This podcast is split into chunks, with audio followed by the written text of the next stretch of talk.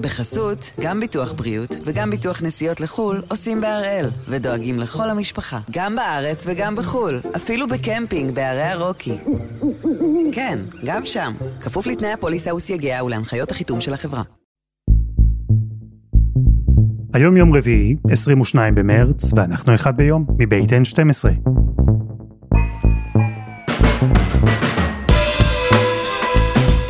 אני אלעד שמחיוף, ואנחנו כאן כדי להבין טוב יותר מה קורה סביבנו, סיפור אחד ביום, בכל יום.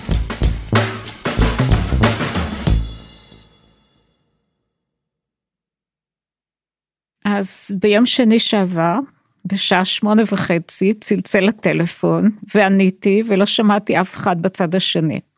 אז צלצל שנית, ולא שמעתי אף אחד. אז אמרתי לבן זוגי מיכאל, די, מעצבנים אותי, זה מספר שחוזר והם לא עונים, כך תענה אתה. ואז הוא ענה, והוא אמר לי, מיכל זה עבורך.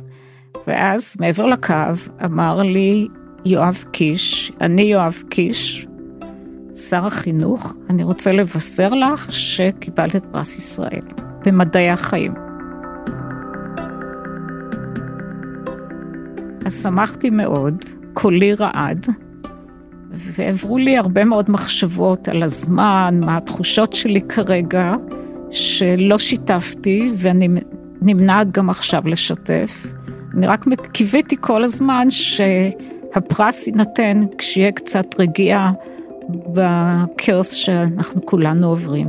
אבל מאוד מאוד התרגשתי. אני מניח שבין המחשבות והתחושות האלה עברה גם המחשבה שאם לפני מה, 30 שנה הייתי אומר למישהו מהתחום שפרופסור מיכל שוורץ תזכה בפרס, בטח פרס ישראל, היו צוחקים לי בפרצוף. ללא ספק. הפעם אנחנו עם משהו מעט אחר. עם המסע של פרופסור מיכל שוורץ ממכון ויצמן אל עבר תרופה לאלצהיימר. זה מסע שיש בו מדע, יש בו פילוסופיה, ובעיקר יש בו המון עקשנות ואמונה, כי בטח כבר הבנתם, המסע הזה היום יכול לשנות את החיים של מאות מיליוני אנשים ברחבי העולם. אבל כשהוא התחיל, המסע הזה נראה אחרת לגמרי. עשיתי את התואר ראשון באוניברסיטה העברית במסלול של כימיה עם פיזיקה ומתמטיקה, ופורמלית לא למדתי ביולוגיה. הוצע לי אז לעבור למסלול ישיר לדוקטורט באוניברסיטה העברית, הם פתחו אז מסלול ישיר לדוקטורט, והייתה לי פנטזיה של ילדה שביקרה במכון ויצמן בגיל עשר שאני רוצה להגיע למכון ויצמן, ואז החלטתי לעבור למכון ויצמן, ואז התחלתי מסלול ישיר לדוקטורט בחקר חיסונים כימיים. כשסיימתי את הדוקטורט, נסעתי לעשות עבודת בתר דוקטורט בארצות הברית, שהתמקדה בשיקום עצבים אחרי חבלות. ורק שם התוודעתי לזה שבעצם המוח, או מערכת העצבים בכלל, המרכזית בכלל, מבודדת מערכת החיסון. במשך הרבה שנים, גם בשנים שבהן מיכל שוורץ עוד לא הייתה פרופסור, אלא בדרך להיות דוקטור, הייתה תפיסה בעולם המדע לגבי האופן שבו הגוף שלנו עובד. זו הייתה קונספציה שאי אפשר היה לערער עליה, אקסיומה שכזו. המוח שלנו, כך חשבו, מנותק ממערכת החיסון של יתר הגוף. הוא פיתח לעצמו מערכות הגנה אלטרנטיביות אולי, אבל התאים שמגנים על יתר האיברים שלנו, המערכת שנלחמת בדלקות, בווירוסים, שמטפלת בפציעות, המערכת הזו והמוח לא מתקשרים ביניהם. אכן נכון. הייתה אקסיומה, והאקסיומה הזאת הייתה מבוססת על מחקרים ואפילו שני פרסי נובל שניתנו, אחד בתחילת אה, המאה ה-20, בשנת 1906 כמדומני, והפרס נובל השני ניתן בשנות ה-50 של המאה הקודמת. שני פרסי הנובל בעצם אמרו המוח מבודד ממערכת הדם. עכשיו האינטרפטציה שנתנה הקהילה המדעית שאם הוא מבודד כנראה מערכת החיסון אסור לה להיכנס ולכן המוח בעצם ויתר אבולוציונית על סיוע של מערכת החיסון. תראו, זה לא שאנשים קיבלו פרס נובל סתם, המחקרים שלהם היו נכונים, אבל הקהילה המדעית לקחה את המחקרים האלה צעד אחד קדימה, היא הסיקה על בסיסם מסקנה, מסקנה שהפכה למוסכמה, אצל כולם, בגדול, חוץ מאצל מדענית אחת, מיכל. ועם זה חזרתי לארץ והקמתי מעבדה משל עצמי, התחלתי לחקור האם יכול להיות שיש בכל זאת הקשר בין המוח למערכת החיסון, מתוך שאלה מאוד פשוטה, אפילו בגדר פילוסופית.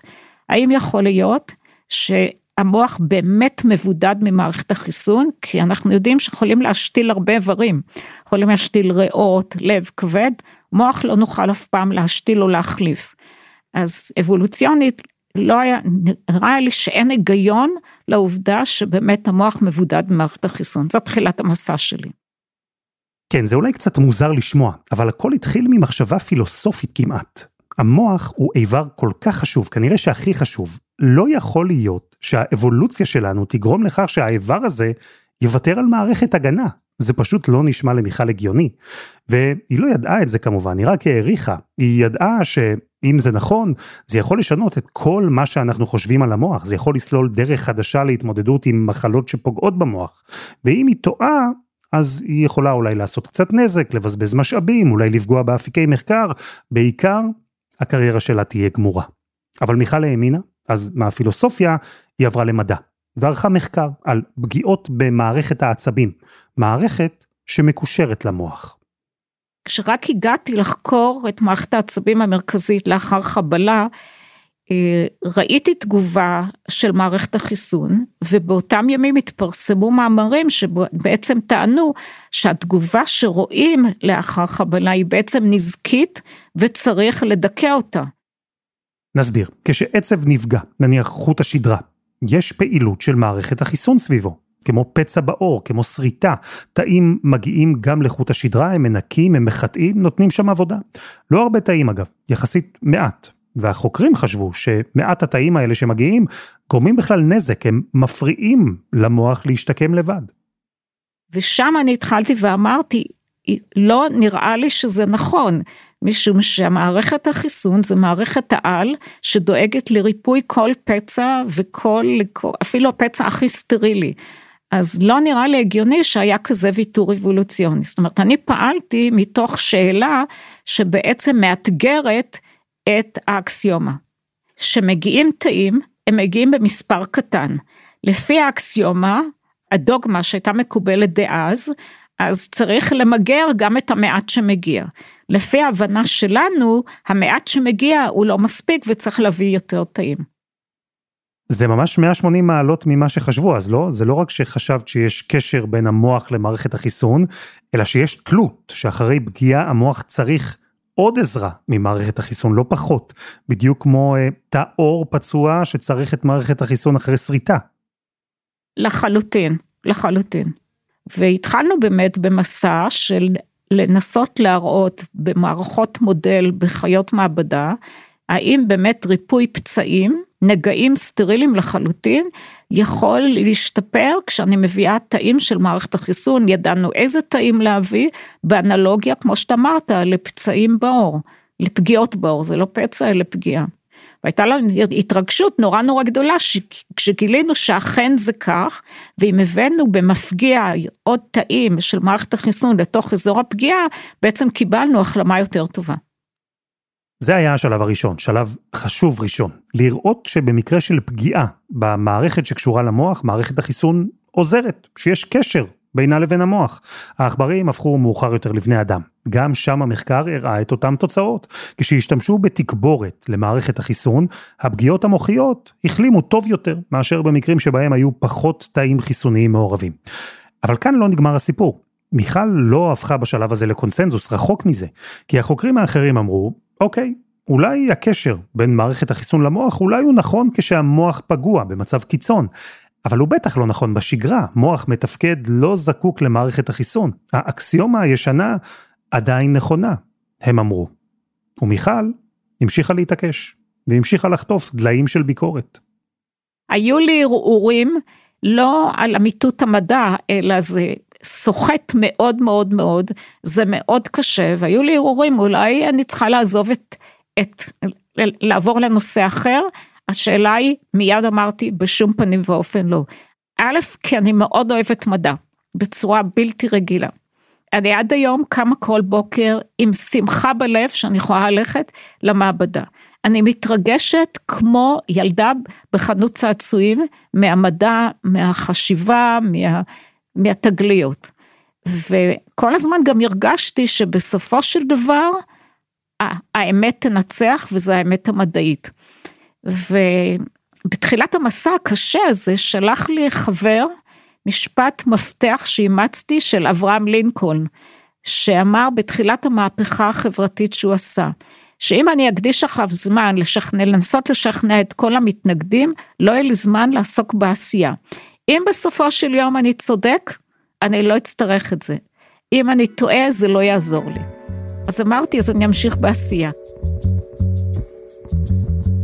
יש בדיחה ישנה על האיש שנוסע בכביש, הוא מקבל טלפון מאשתו, היא אומרת לו, תיזהר, אמרו בחדשות שאיזה משוגע נוסע בכביש מהיר נגד הכיוון.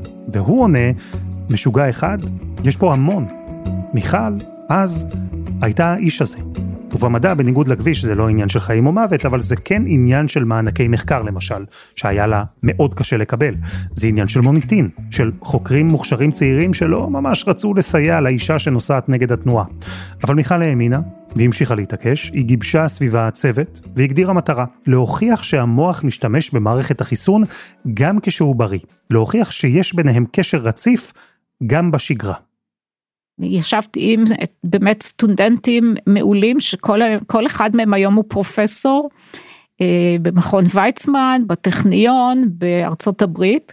קבוצה יוצאת מן הכלל ובאמת דנו בעניין הזה ואמרנו אז איך אנחנו מוכיחים באמת שהמוח צריך את מערכת החיסון ואז אמרנו בואו לא נסתכל על חבלה אלא נסתכל על הפיזיולוגיה בעצם התפקוד היומיומי של, של המוח. אין לנו חבלה, האם צריך את תאי מערכת החיסון? לקחנו עכברי מודל של עכברים צעירים עם מוח בריא לחלוטין, עם כשל חיסוני, ובחנו לראות האם בעכברים כאלה יש ירידה ביכולות הקוגניטיביות ויש ירידה בעוד תפקודי מוח, וזאת הייתה ההתרגשות הכי גדולה שלנו כשגילינו שאכן יש ירידה בתפקוד המוח הבריא אם מערכת החיסון כושלת, ואם אנחנו משחזרים את מערכת החיסון, אנחנו בעצם משחזרים תפקוד. זה היה מאוד מרגש. שנים אחרי שיצאה למסע להוכיח את מה שהיא האמינה שהוא נכון, מה שכל האחרים חשבו שהוא טעות ענקית, פרופסור מיכל שוורץ סוף סוף מצאה קצת נחת. הוכחה שהמוח, בין אם הוא פגוע, בין אם הוא בריא, זקוק למערכת החיסון של הגוף, שבלי מערכת חיסון בריאה, גם המוח נפגע. יש ירידה בתפקוד הקוגניטיבי. ואם תהיתם למה אמרתי ממש בתחילת הפרק שנדבר על אלצהיימר, עד עכשיו הרי לא הזכרנו אפילו את המילה הזו, אז אני מקווה שעכשיו התמונה מתחילה להתבהר. אבל קודם חסות אחת, וממש מיד חוזרים.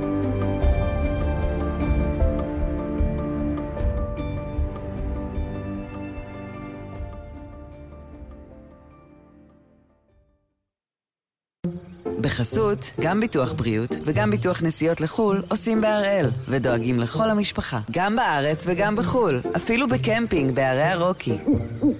כן, גם שם, כפוף לתנאי הפוליסה וסייגיה ולהנחיות החיתום של החברה. אנחנו עם פרופסור מיכל שוורץ ממכון ויצמן בשבוע שבו נודע שביום העצמאות הקרוב היא תקבל פרס ישראל במדעי החיים. ואפשר היה אולי לצפות שאחרי שנת 2006, אחרי שהיא הוכיחה את מה שחוקרים בכל העולם טענו במשך עשרות שנים שהוא טעות, אחרי שגילתה שמה שחשבנו על המוח ועל מערכת החיסון פשוט לא היה נכון, אפשר היה לצפות שהיא תגיד לכולם, אמרתי לכם, ותלך לנוח. אבל לא. כי הצעד הבא של מיכל היה להתקדם עוד צעד בתוך התעלומה. כבר היה ברור שיש קשר בין המוח לבין מערכת החיסון, עכשיו השאלה היא, איפה תאי החיסון האלה נמצאים? כי בכבד יש, בלבלב יש, בעור יש, אבל במוח לא מצאו אותם. ובסוף, היא מצאה.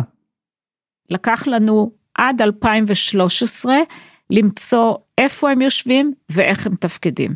אז קבוצת מחקר שלי וקבוצת מחקר של סטודנט שלי לשעבר, שכבר הפך להיות מדען עצמאי בארצות הברית, יונתן קיפניס, גילינו שבגבולות המוח, שהוזנחו לצורך העניין הזה, יושבים תאי מערכת החיסון ובעצם הם משפיעים מרחוק על המוח. והמוח אומר להם, שבו בשקט, אני אעזר בכם כשאני צריך אתכם. שאני חייב לומר, זה נשמע לי דבר מדהים, זה לא קיים במקומות אחרים בגוף, מערכת כזו ששומרת בצד, אה, במרכאות, חיילי מילואים, וקוראת להם רק כשהיא צריכה אותם. אני מסכימה, אם זה מרגש, כל פעם שאני מגיעה לקטע הזה אני נדהמת מחדש, איך, איך פתאום, זה לא רק שהמוח לא מבודד, אבל יש לו את הפריבילגיה שיש לו תאים אימונים תחת שליטתו והוא נעזר בהם כשהוא צריך אותם. כי המוח לא יכול, הרשת העצבית היא מאוד מאוד רגישה ועובדת על, על מערכת שהיא עובדת כל הזמן. ואתה לא יכול, המוח לא יכול להרשות לעצמו שיסתובבו לו תאים של מערכת החיסון. אז בעצם הוא יצר מערכת שהיא מתפקדת בצורה אופטימלית ללא מפריעים, אבל יש לה במרחק נגיעה את התאים האלה כשהוא צריך אותם. אז זה כאילו ברירת מחדל או פתרון אבולוציוני הטוב ביותר. בשלב הזה פרופסור מיכל שוורץ הפכה לאחת המומחיות הגדולות בעולם בתחומה. וההכרה לא באה בבום, לקח לעולם המדע, וגם לה האמת, לקח זמן להבין שהיא כבר לא אותו איש שנוסע נגד התנועה, אלא שעכשיו המכוניות האחרות הסתובבו, והן נוסעות אחריה. אני אספר לך מה שקרה לך, דוגמה באמת נורא חזקה. הסטודנט הראשון, המחבר הראשון במאמר על תפקודי מוח ומערכת החיסון, יניב זיו, הוא היום פרופסור במכון ויצמן, נסענו יחד לכינוס ביפן. נכנסנו לאולם שהיה מלא מפה לפה, והיה שם מדען שכמה חודשים קודם פרסם בכתב עת מאוד מכובד בסייאנס, שדלקת במוח מפריעה ליצירת תאי גזע חדשים. והוא אמר, הוא לא ידע שאנחנו בקהל, והוא אמר, עכשיו לאחרונה התפרסם מאמר ששינה את כל תפיסת עולמי.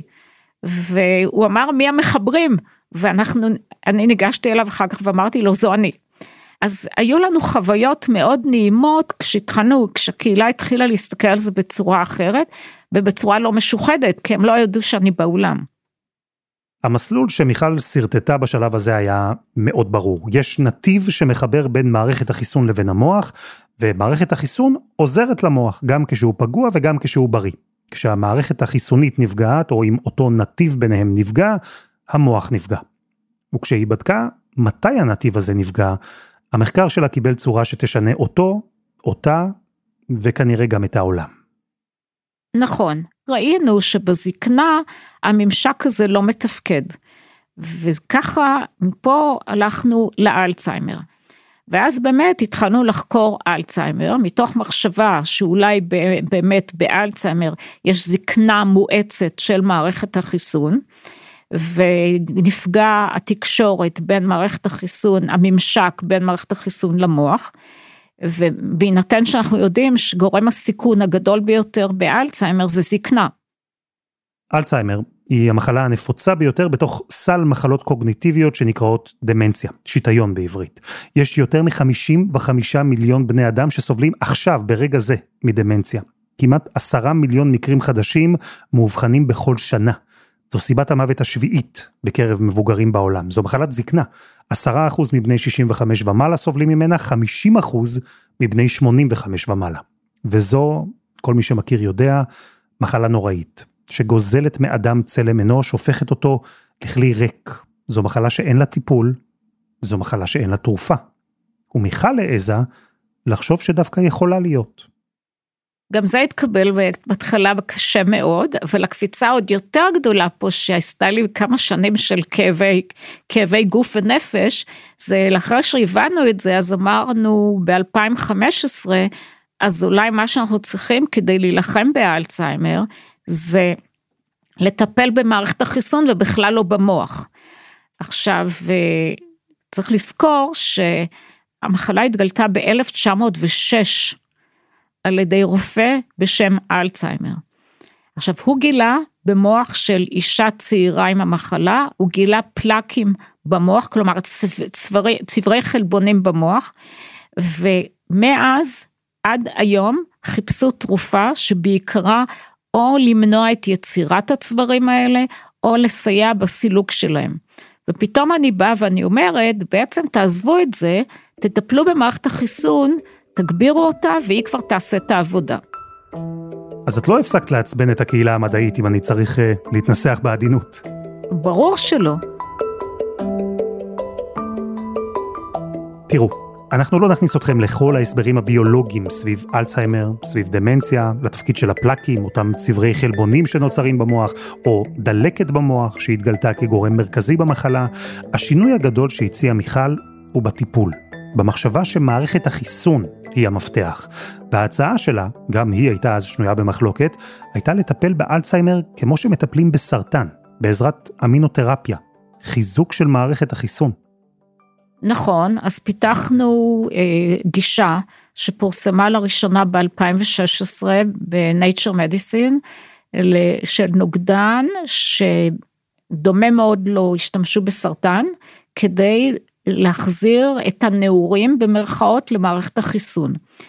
הקניין הרוחני שנבע מהגישה הזאת ניתן לחברת הזנק שנקראת Immunobrain Checkpoint, לפתח את זה כתרופה לאלצהיימר. אה, אני רוצה לומר שאחד הדברים היפים בדבר הזה, שכשעלינו על הרעיון הזה, אני עצמי נסעתי לוושינגטון להיפגש עם בוחן הפטנטים כדי להציע את הרעיון הזה, והוא כל כך התרגש שקיבלנו אישור גורף על הרעיון הזה, והחברת הזנק לקחה את זה ופיתחה נוגדן חדש, שהוא הנוגדן הטיפולי, שהוא ספציפית לאלצהיימר. הנוגדן עבר את כל האישורים הרגולטוריים בארץ, בלונדון ובאמסטרדם, והניסוי הקליני התחיל לפני כחודשיים בחמישה מרכזים, מיועד להיות בחמישה מרכזים בארץ, שלושה בלונדון ושניים באמסטרדם. הסימנים הראשונים מעודדים, מאוד. התרופה החדשה, זו שמשקמת את המערכת החיסונית, את הנתיב בינה לבין המוח, אמורה לעכב או אפילו לעצור את התפתחות המחלה, לתת למוח עוד פרק זמן מסוים שבו התפקוד שלו יישאר זהה, הוא לא יידרדר, והתרופה, כרגע לפחות, תעבוד עבור מי שכבר אובחן עם המחלה. בינתיים, לא כחיסון שאפשר יהיה לתת מראש.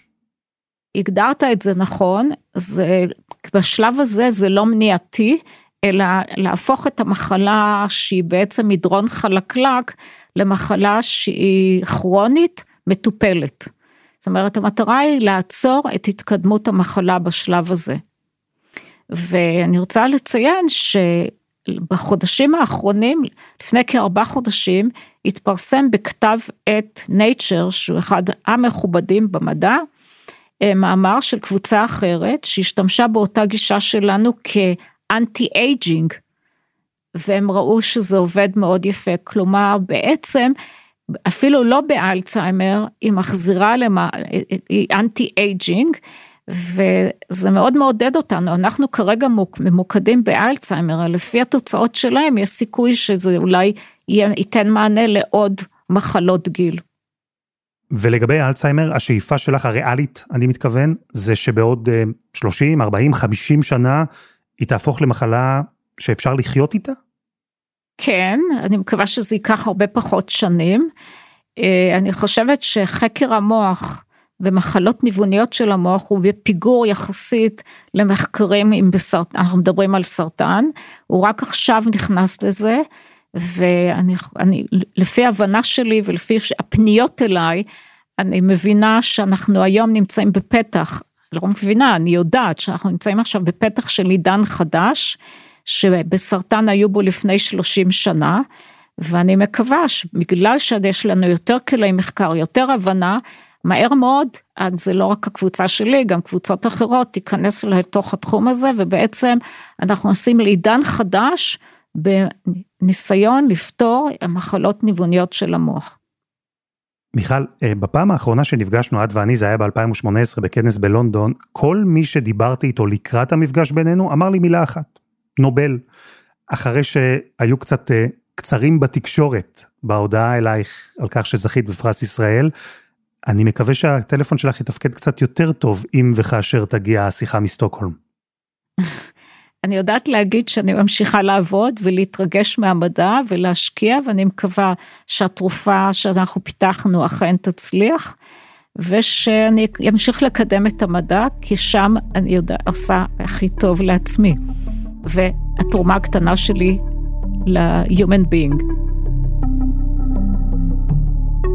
פרופסור מיכל שוורץ, תודה. תודה לך, היה מעניין.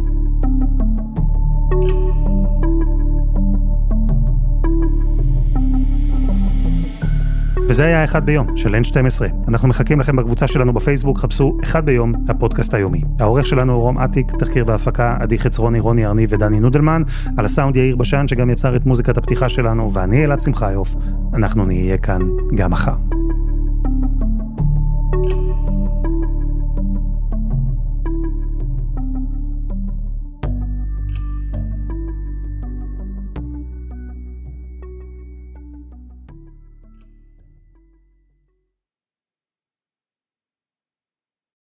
בחסות, גם ביטוח בריאות וגם ביטוח נסיעות לחו"ל עושים בהראל, ודואגים לכל המשפחה, גם בארץ וגם בחו"ל, אפילו בקמפינג בערי הרוקי. כן, גם שם, כפוף לתנאי הפוליסה וסייגיה ולהנחיות החיתום של החברה.